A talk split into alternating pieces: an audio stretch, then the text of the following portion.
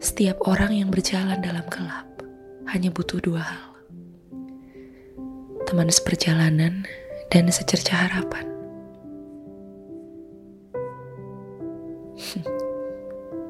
harapan. Ke mana ia pergi selama ini?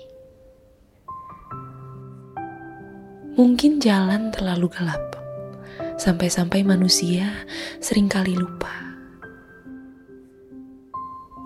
harapan masih ada.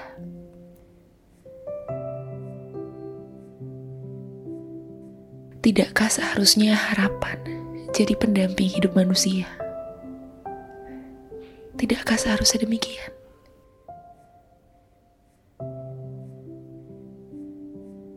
Nur tahu jawabannya.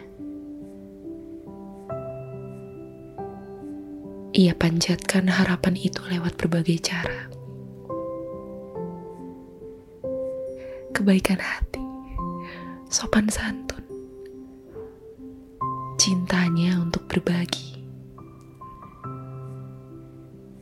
Katanya dekat pada pencipta adalah cara kita berpengharapan. Supaya kita tak takut terluka. Supaya kita tak takut celaka. Nur tahu kunci kehidupan bukan angan-angan atau ketakutan. Dan seperti doa yang tersimpan dalam namanya, ia menjadi cahaya